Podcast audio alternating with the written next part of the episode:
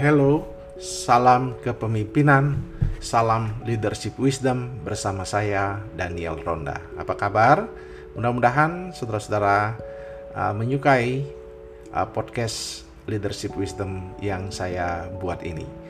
Uh, dan tentunya uh, ini berbagi uh, ilmu, pandangan, uh, pengalaman di lapangan dan research atau penelitian diharapkan para gembala dapat mendengarkan uh, uh, podcast ini lalu menjadi uh, termotivasi, terangsang untuk memikirkan lebih lanjut lagi pelayanan mereka dan melakukan hal-hal yang kemudian konstruktif untuk memperbaiki pelayanannya dan tercapailah maksud dari podcast ini.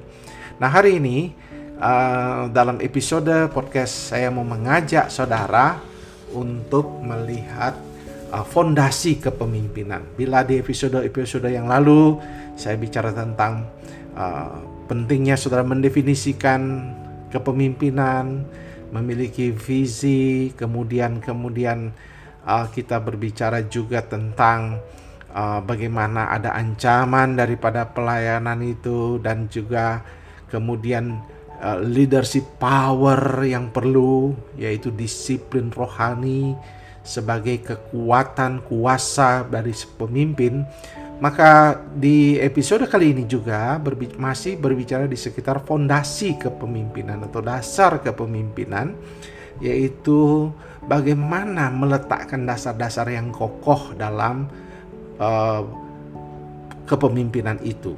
Nah, Tadi uh, di episode yang lalu kita bicara leadership power dan sekarang saya mau bicara tentang leadership purpose atau uh, pemimpin yang memiliki tujuan.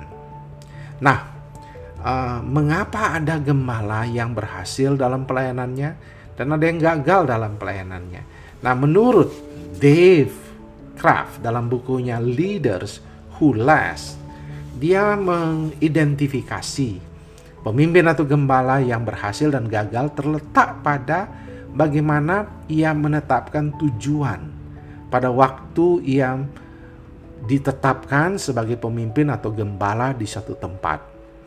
Jadi kalau pemimpin itu tidak memiliki tujuan, maka dipastikan eh, gereja gereja yang dipimpinnya atau organisasi yang dipimpinnya tidak akan ke mana-mana. Hanya melakukan sesuatu pelayanan yang rutin yang sudah diadakan sebelumnya, atau organisasi akan hanya berjalan sesuai dengan rutinitas ya asal ada. Nah, itu menyebabkan bisa jadi mengalami stagnan dan akhirnya kemunduran bahkan tidak sedikit organisasi dan gereja berkonflik lalu terjadi perpecahan dan tidak sedikit kemudian mengalami kematian dalam gereja, kematian rohani dan juga uh, bubarnya jemaat itu. Dan sering kita mendengar gereja yang bubar karena kepemimpinan yang tidak memiliki tujuan. Nah, hari ini kita mau mengingatkan para pemimpin agar dia menetapkan tujuan pada waktu dia mau menjadi pemimpin atau gembala di suatu tempat. Tetapkanlah tujuan Anda. Tetapi ingat tujuan itu bukan tujuan pribadi yang ada di hati Anda. Tujuan itu lahir dari kecintaan saudara akan Yesus, kecintaan saudara akan firman, dan panggilan yang sudah begitu nyata dalam hidup saudara dan saudara menggumulinya bersama dengan Tuhan dan mengajak uh, orang-orang di sekitar Anda atau majelis orang-orang kunci dalam uh, jemaat atau organisasi yang sudah lebih berpengalaman untuk duduk bersama mendiskusikan, menggumuli apa-apa isu yang ada lalu saudara merampungkannya dan kemudian menetapkan tujuan.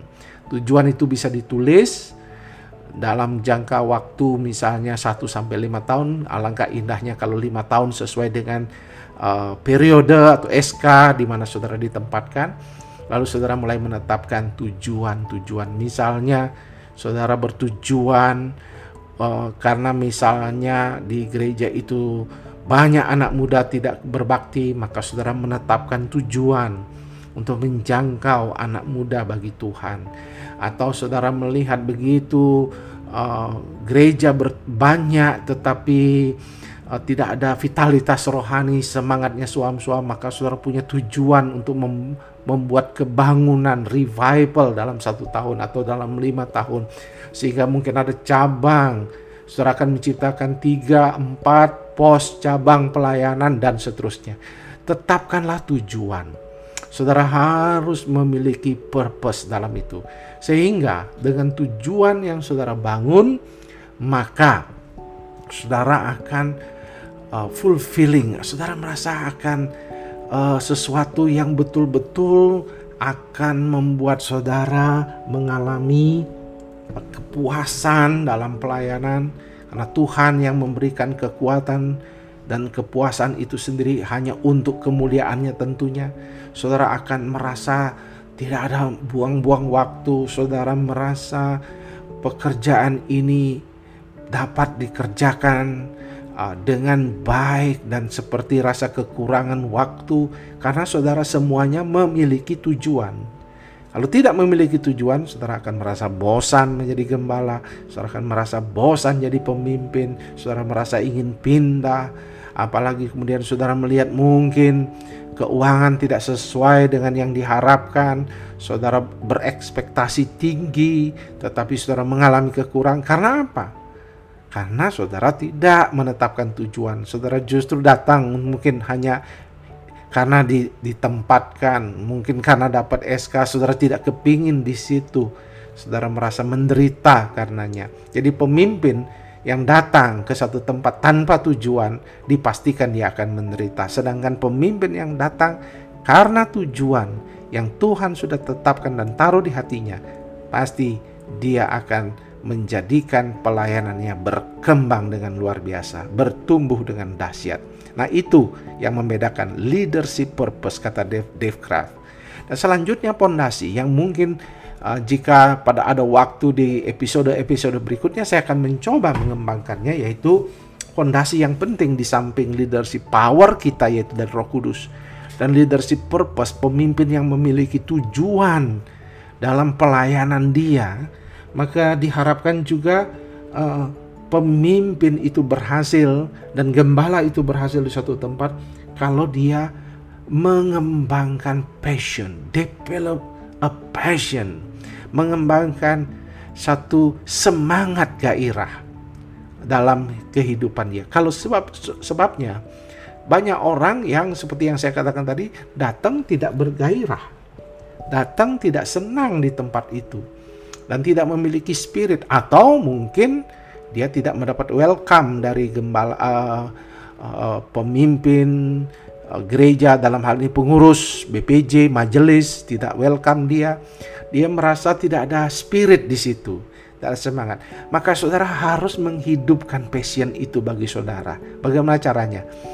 Banyak dekat dengan Tuhan bergumul dengan Tuhan mencari orang-orang di sekitar Anda yang mendukung pelayanan, cari pimpinan-pimpinan saudara, supervisor saudara, mentor saudara, curhat sama dia. Sehingga waktu saudara curhat, saudara mengalami kesembuhan, pemulihan, kesegaran, timbul passion, timbul gairah, timbul semangat. Dan jangan sampai saudara datang ke satu tempat memimpin gereja atau memimpin organisasi, saudara tidak ada semangat, tidak ada gairah, tidak passion di dalamnya.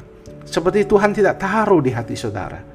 Jadi kalau saudara uh, moody, tidak ikut, hanya ikut perasaan, nah, itu saudara harus segera uh, bertobat dan minta tolong Tuhan, ampuni saya. Mungkin saya tidak ada gairah dan passion. Memang passion ini perlu dibahas secara khusus, tapi uh, Dave Crab, uh, saya mengambil dari pandangan Dave Crab ini sebagai hanya fondasi Nanti saudara bisa kembangkan bagaimana membangun gairah dalam pelayanan. Tapi minta roh kudus dan orang-orang di sekitar Anda sebagai penasihat Anda. Sehingga Anda mendapatkan passion dalam pelayanan saudara. Kemudian setelah passion, pondasi yang penting yang perlu diingat bagi pemimpin lah setup yang disebut dengan uh, you set priority priorities.